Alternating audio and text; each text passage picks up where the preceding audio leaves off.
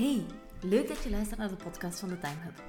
Als je graag meer tijd wil vrijmaken om al je ambitieuze plannen uit te voeren en tegelijkertijd meer rust wil ervaren in je leven, bedrijf en hoofd, dan ben je hier helemaal op de juiste plek. Mijn naam is Ellen en al jaren doe ik onderzoek naar manieren die me helpen om tijd te winnen, productiever te worden en mijn wilde plannen met een gezonde portie rust te combineren. In deze podcast deel ik mijn bevindingen, tips en hacks en vooral ook het verhaal van mijn zoektocht naar meer tijd. Hallo, hallo en welkom bij deze podcastaflevering. Vandaag wil ik het gaan hebben over een onderwerp wat aan mij als productiviteitsexpert toch vrij nauw aan het hart ligt en dat is plannen. Namelijk, ik stop met plannen. In deze aflevering leg ik jullie uit waarom, maar ik wil starten met de cijfers van een klein onderzoek dat ik vorige week op mijn Instagram Stories deed over jullie plangewoontes.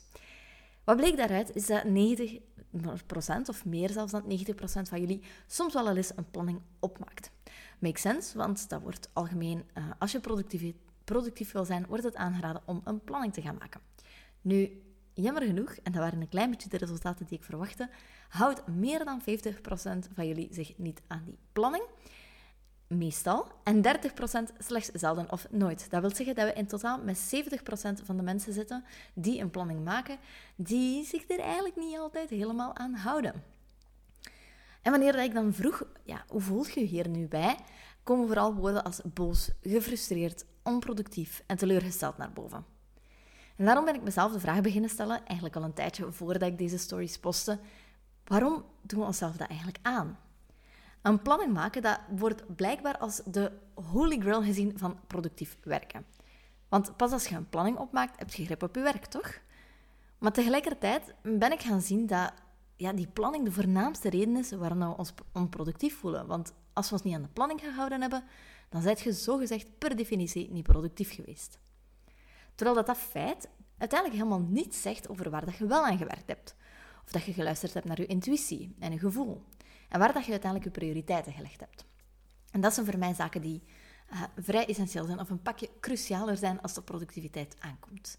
En mijn reden voor het stellen van deze vraag in mijn stories is omdat ik me het afgelopen jaar ook heel vaak boos, gefrustreerd, onproductief en teleurgesteld heb gevoeld. Mocht je hier nieuw zijn, ik heb een kleintje die naar de crash gaat en veel ziek is. En dat legt het waarschijnlijk al allemaal uit, maar plannen is dan gewoon onbegonnen werken. Ik weet dat ik elke week opnieuw, uh, toen mijn kindje naar de crash begon te gaan, op voorhand definieerde wat ik op welke dag wou doen, wanneer ik aan wat ging werken. En dat werd uiteindelijk een drama. Want ik denk dat mijn werkweken dit jaar uiteindelijk, en dat zeker niet uit vrije wil, gereduceerd werden tot 16 à max 20 uur, als ik chance had. Vertel daar later meer over, maar de laatste weken ben ik hier meer en meer over beginnen nadenken, want desondanks die drastische reductie in werktijd en de gefrustreerde gevoelens die ik gehad heb, heb ik niet per se het gevoel alsof dat eigenlijk een onsuccesvol jaar geweest is.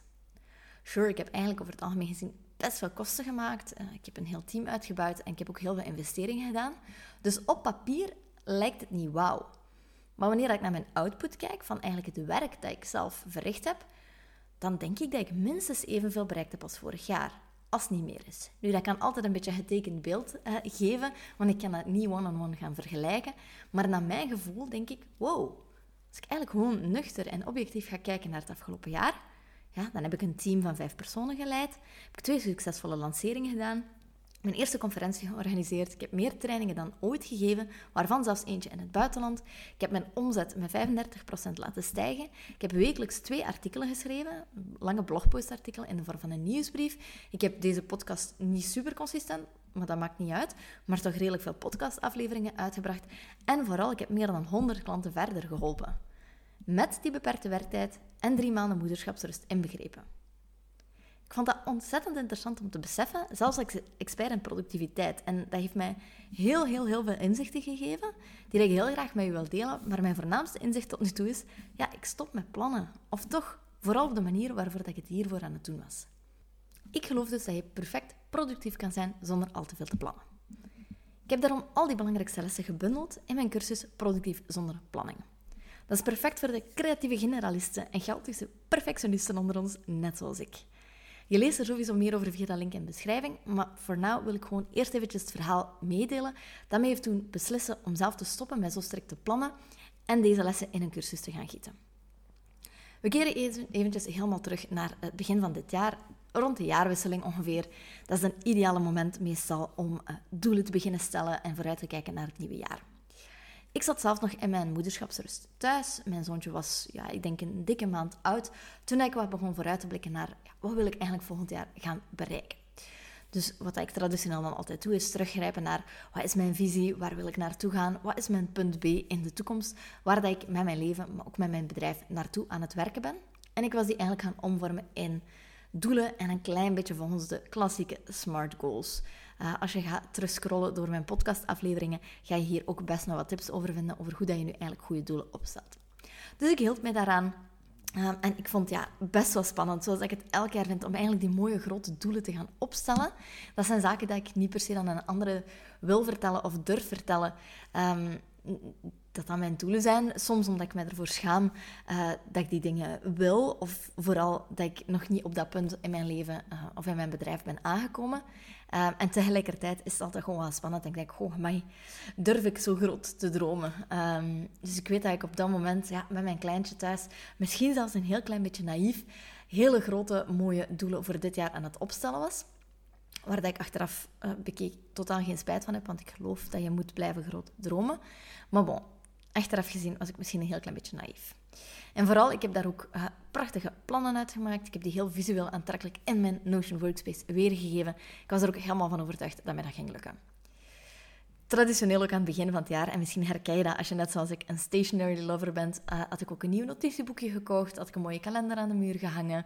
Um, ja, ik hou enorm van het gevoel nog altijd van papier, zelfs al ben ik enorm van, van het digitale. Dus ja, waarschijnlijk kent je dat, die geur van een nieuw notitieboekje, uh, dat openslaan, daar voor de eerste keer met je balpen inschrijven, dan voelt dat zo ja, echt als iets nieuws aan, als een nieuwe start aan.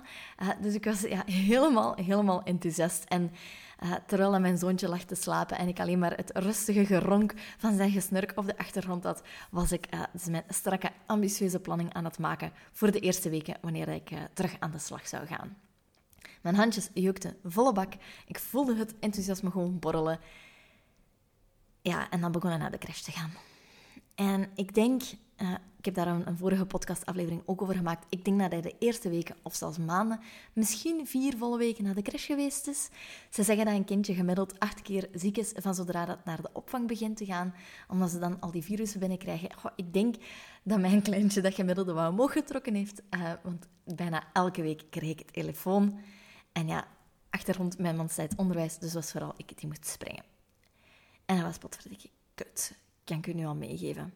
Want Maakt niet uit wat ik deed van planning. Ik kon mij er nooit aan houden.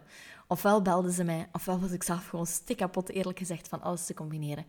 Dus ik zat in de shit, hè, met al mijn mooie doelen. En ik dacht, ja, en nu? Mijn oplossing op dat moment was: oké, ik moet gewoon nog strakker beginnen plannen. Dat is eigenlijk meestal mijn manier van aanpakken. Wanneer ik in de problemen zit, heb ik gemerkt dat ik gewoon nog meer de controle probeer te pakken, nog meer zaken probeer te regelen.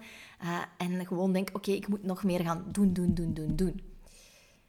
En wat ik ook begon te doen, wat dan normaal gezien voor mij een absolute no-go is, is ik begon in het weekend te werken en ik begon s'avonds te werken. Om toch maar zoveel mogelijk in te halen. Waardoor dat er eigenlijk geen tijd meer over was voor ontspanning en om iets voor mezelf te doen. Iets wat ik voordat ik mama werd eigenlijk wel vrij sterk was. Dus ik was altijd ofwel aan het werk ofwel mama, want ik had het gevoel dat ik non-stop tijd tekort had. En heel vaak deed ik ook de twee door elkaar. Um, ik probeerde dan op momenten waarop dat Milo thuis was, dus mijn zoontje, en hij was ziek, probeerde ik als hij dutjes deed te werken. Um, maar ik pakte dan hele grote projecten aan of ik begon dan dingen op mijn website aan te pakken, salespagina's te schrijven en ja, je hebt misschien anderhalf uur à twee uur. En soms werd hij dan vroeger wakker. En ik merkte dat ik dan heel gefrustreerd werd wanneer ik net gefocust aan het werken was en dat hij vroeger wakker was. Tegelijkertijd, als hij dan wel wakker was en ik had tussendoor zitten werken, dan was ik er eigenlijk nooit echt met mijn volle aandacht bij om met hem te spelen of voor hem te zorgen. Dat zorgde er op den duur voor dat ik gefrustreerd op hem werd als hij sneller wakker werd of ziek was. Dat ik gefrustreerd werd op mezelf, omdat ik niet in mijn planning slaagde en dat ik niet hard genoeg kon doorwerken. En ook omdat ik dan vond dat ik geen goede mama was. Hè, de schuldgevoelens daarvoor. Omdat ik niet met volle aandacht erbij was. Uh, ik schaamde me omdat ik aan mijn team en de mensen waarmee ik samenwerkte uitstel moest vragen voor bepaalde taken. Terwijl zij altijd blijven zeggen van ja, nee joh, dat is helemaal oké. super begripvol team daarvoor, dus fantastisch. Ehm, en ja, dat begon te escaleren en te escaleren en dat werd alleen maar erger en erger en erger. En ik merkte dat het gewicht van het huishouden dragen, de mental load van mijn business, het werk, dat ik mezelf uh, allemaal op mijn agenda had gezet en het proberen aan die planning te houden, dat dat gewoon veel te veel werd. Ehm, ik voelde mij terug helemaal van de rails gaan en ik merkte dat ik gevaarlijk dicht in de buurt, van een burn-out begon te komen. Um, het gevoel dat ik drie jaar geleden eerder zelf al eens gehad had, dat ik eigenlijk gewoon ja, dat veel te veel was. Uh, het kwam zelfs tot op het punt dat ik thuis kwam van een paar dagen weg, ofwel met vriendinnen, of toch een workation die ik gepland had, waarin ik vol een bak aan het werken geweest was, waarbij ik wel weg was van thuis. En dat ik bijvoorbeeld de deur open deed en ik liep onze living in en ik zag dat de vaatwasser nog niet geledigd was. En dat ik op dat moment, puur door dat te zien, dat ik al in tranen uitbarstte, omdat mij gewoon te veel was. Het kwam zelfs tot op dat punt dat mijn man uh, op den duur mij begon te vragen: ja, ga je het wel? En hij begon aan zichzelf te twijfelen, omdat ik iedere keer zo triest thuis kwam dat, ja, uh, dat hij dacht: ja, misschien komt hij gewoon niet meer graag bij mij thuis. En ik vond dat zo verschrikkelijk erg, want ik heb een schat van een man die zichzelf zelden zorgen maakt, uh, maar dan maakte hij zich wel zorgen en begon hij er zelfs onzeker van te worden. Dus ik merkte echt van: oké, wat hij hier aan het doen bent, dat heeft niet alleen een impact op mezelf, maar ook op mijn man en hoogstwaarschijnlijk ook op mijn kind. Dus die goede mama die ik wil zijn, die ben ik eigenlijk niet aan het zijn. Dus ik merkte, het moet terug anders, want wat ik doe werkt duidelijk niet. Mijn beslissing op dat moment was, oké, go slow to go fast. Ik ga terug trager gaan leven, trager gaan werken, veel selectiever zijn in mijn eigen taken en mijn projecten die ik aanneem en mijn verwachtingen van wat ik kan doen veel lager gaan stellen. Dat klinkt nu allemaal ontzettend simpel, dat was het ook zeker niet. Dat is niet een beslissing dat je zo maakt en ineens je gedrag mee gaat veranderen. Maar dat is iets te veel om vandaag op in te gaan. Daar ga ik heel hard in mijn cursus Productief zonder planning op in. Uh, maar wat ik voornamelijk deed, was de switch maken van... Kijk, stel, ik ga ervan uit dat ik vanaf nu maximaal 16 uur per week kan werken. Dat is niet leuk. Ik wil meer doen. Ik doe mijn werk ontzettend graag. Maar wat als ik ervan uitga dat ik maximaal 16 uur per week kan werken? Wat wil ik dan gedaan krijgen? Wat is hiervoor nodig? Welke grenzen moet ik gaan stellen en gaan bewaken? En wanneer ga ik mij gaan focussen? Wat heb ik hiervoor nodig? En niet opeens, maar na verloop van tijd, kreeg ik weer werk met hopen gedaan. Voelde alles ook veel lichter aan. Was ik 100% mindful aan het werk of bij mijn kind? En er zijn ontzettend veel zaken die hiertoe geleid hebben, tot het feit dat ik in de shit ben terechtgekomen, zoals people pleasing, moeilijk nee zeggen, slechte communicatie, perfectionisme, foute verwachtingen. Maar heel praktisch, in mijn manier van werken, heb ik vooral beseft dat dat hele strikte plannen mij eigenlijk alleen maar problemen bezorgden. En dat plannen, achteraf gezien, eigenlijk vooral een schaal is. Dat er bij mij dus bepaalde zaken absoluut ingepland moeten worden, maar dat ik in heel andere zaken heel vrij moet blijven. En toen ik rondom mij begon te kijken, merkte ik ja, dat plannen eigenlijk absoluut niet de enige manier is om productief te zijn. En dat je ook op heel veel verschillende manieren kan plannen. Het strikte plannen van uh, uittekenen wanneer dat je exact wat gaat doen en elke minuut van elke dag weten uh, hoe dat, eruit gaat zien en gaan timeblokken en gaan timebatchen in je agenda aan het begin van de week. Ik geloof dat dat voor sommigen heel goed werkt. Het heeft voor sommige van mijn klanten ook absoluut goed gewerkt. Maar to be honest, ik ben eigenlijk heb ik meer en meer beseft, een creatieve chaot en een impulsieve perfectionist en ik moet dat leren omarmen. Plannen heeft mij op dat opzicht al veel meer schade gebracht. Denk alleen maar aan de tijd die ik, dat ik erin investeer om ja, die strikte planning te gaan opmaken en notitieboekjes helemaal te gaan uittekenen. Maar ook gewoon het, het gevoel dat ik er zelf door gekregen heb. Want wat dat je tegen jezelf vertelt, de dingen die je tegen jezelf zegt, dat heeft een enorme impact op je gedrag in het algemeen. Dus door mij niet aan mijn planning te houden, was ik eigenlijk telkens opnieuw aan mezelf aan het bewijzen, tussen aanhalingstekens, dat ik niet productief ben. En was ik mezelf iedere keer mijn schuldgevoel aan het opzadelen. Dus mijn logica was toen, wat als ik het ga omkeren? Wat als ik dus mijn eigen manier van werken vind, zonder die strikte planning, en waarbij ik mezelf kan bewijzen, of die definitie van productiviteit, dat is het eigenlijk gaan herschrijven. Hoe dat je dat doet, dat is sowieso wat ik leren in mijn cursus. Maar Met deze podcast was het eigenlijk vooral de bedoeling om mijn boodschap te verkondigen dat het niet hoeft.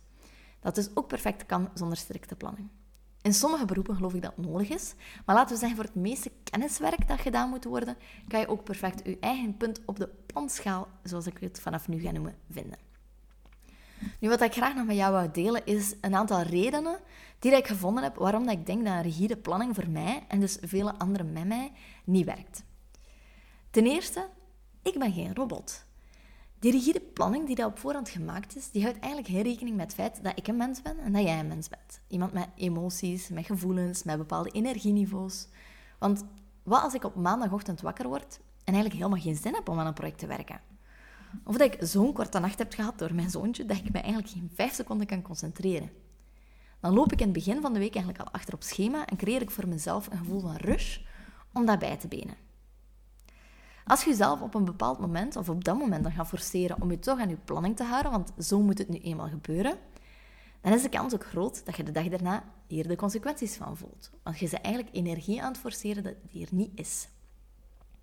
Wie zegt er dat je op dat moment niet even mag rusten? Of misschien eerder administratieve taken die op je liggen te wachten kunt opnemen, omdat je hiervoor je veel minder moet focussen. En dat je gewoon de volgorde mocht omgooien. Dat gaat natuurlijk niet met alles, want ook uitstelgedrag komt hierbij kijken. En de reden van dat uitstelgedrag gaan onderzoeken is heel belangrijk. Voel ik het gewoon nu echt niet? Of ben ik het misschien om andere redenen aan het uitstellen? Dat zijn ook belangrijke vragen om jezelf op dat moment te gaan stellen. Maar you get my point. Die strikte planning houdt geen rekening met het feit, bijvoorbeeld ook niet dat we vrouwen zijn. En dat er ook bepaalde fasen zijn in ons vrouw zijn die, uh, waar dat we eens mee struggelen. Uh, en gaan er gewoon vanuit dat wij een technische machine zijn die dat we gewoon op voorhand kunnen programmeren. En dat is niet zo. Tweede reden waarom dat een planning voor mij niet werkt, en waarschijnlijk dus voor jou ook niet werkt, is omdat je vaak te maken krijgt met onvoorziene omstandigheden. Ik zou eh, dit stukje kunnen starten met een hele preek over hoe dat kot eigenlijk maar zelden echt in brand staat, want ik geloof ook wel dat we heel veel zaken te onterecht als dringend ervaren. Maar ik heb het dit jaar ook wel vaak genoeg meegemaakt dat er bepaalde zaken zijn die gewoon altijd roet in het eten kunnen strooien. Bijvoorbeeld dat kindje dat moet worden opgehaald van school of van de opvang, maar ook nog heel veel andere zaken, zoals een tool die dan niet werkt zoals dat hij moet werken. Dus dat je in de knoei zit met je systemen. Ehm, dat je even met een klant zit die dat absolute prio moet krijgen, omdat er daar bepaalde zaken fout aan het lopen zijn. Uh, omdat je dringend iets van de winkel moet gaan halen, omdat je vergeten waar dat bijna op was. Ik moet er denk ik geen tekeningetje bij maken. Ehm, en een oplossing die dat dan traditioneel vaak gegeven wordt als je uh, over buffertijd spreekt, allez, of om, over uh, onvoorziene omstandigheden spreekt, is om buffertijd te gaan voorzien in de planning. En ik snap dat wel, maar ook hier is het weer moeilijk om te gaan bepalen hoeveel tijd dat je gaat nodig hebben als buffertijd. Um, of bijvoorbeeld dat je de dinsdag buffer hebt voorzien, maar dan loopt er de maandag al iets fout. Allee, wat. Um, ik geloof dat de kans nog altijd groot is dat je dan teleurgesteld eindigt. Ook hier waar dat bij het vorige punt ook dat uitstelgedrag een side note is, is hier ook weer een kwestie van hoeveel dat je tussen je planning in laat komen. Want de meeste zaken die ons storen, laten we eigenlijk toe uh, onze planning te laten verstoren, omdat we ons te reactief gedragen in plaats van proactief. Maar toch is dit wel iets om rekening mee te houden. De derde reden waarom uh, productief of plannen misschien voor jou niet werkt. We hadden al, uh, we zijn geen robot en de onvoorziene omstandigheden. De derde reden is mogelijk dat je je tijd niet zo goed kunt inschatten. Ik ga je een leuke statistiek meegeven uh, in deze podcast. 70% van onze tijd wordt over het algemeen al ingenomen door onze dagdagelijkse bezigheden. Klanten verder helpen, het huishouden doen, administratie, mails, berichten en dergelijke. Dat wil zeggen dat er eigenlijk met 30% tijd overblijft voor ontspanning en om aan onze business te werken. Dat is bitter weinig en toch denken, dat we altijd, denken we altijd dat we meer kunnen doen dan we feitelijk kunnen doen door onze planning helemaal vast te zetten. Als we toch willen gaan plannen, heeft dus eigenlijk een groot deel van ons werk te maken met onze verwachtingen naar onszelf toe. Om dat eigenlijk ook wat te gaan bijstellen. Om eigenlijk iets minder, mm, laten we zeggen, naïef te zijn, zoals dat ik in het begin van het jaar was uh, met wat dat we kunnen verwachten van onszelf. Anders laten we eigenlijk geen ruimte voor spontaneiteit, luiheid, wat dat helemaal oké is, by the way, om lui te zijn, uitstelgedrag en vooral ook intuïtie. Als je nu op de achtergrond geboren hoort, mijn excuses daarvoor. Ze zijn net bij de buren beginnen werken. Ik ga gewoon mijn podcastaflevering afnemen, afmaken, want ironisch genoeg is mijn zoontje vandaag ziek thuis. En dit is de one thing die ik vandaag gedaan moet hebben, of dat ik vandaag gedaan moet hebben, is deze podcastaflevering opnemen. Dus het spijt mij, ik ga gewoon verder doen en hopen dat je het niet al te hard hoort. Ik had het dus over uh, die ruimte laten voor spontaneiteit, luiheid, uitstelgedrag en vooral ook intuïtie. Voor die emoties, maken dat die er mogen zijn en dus niet te strak gaan inplannen.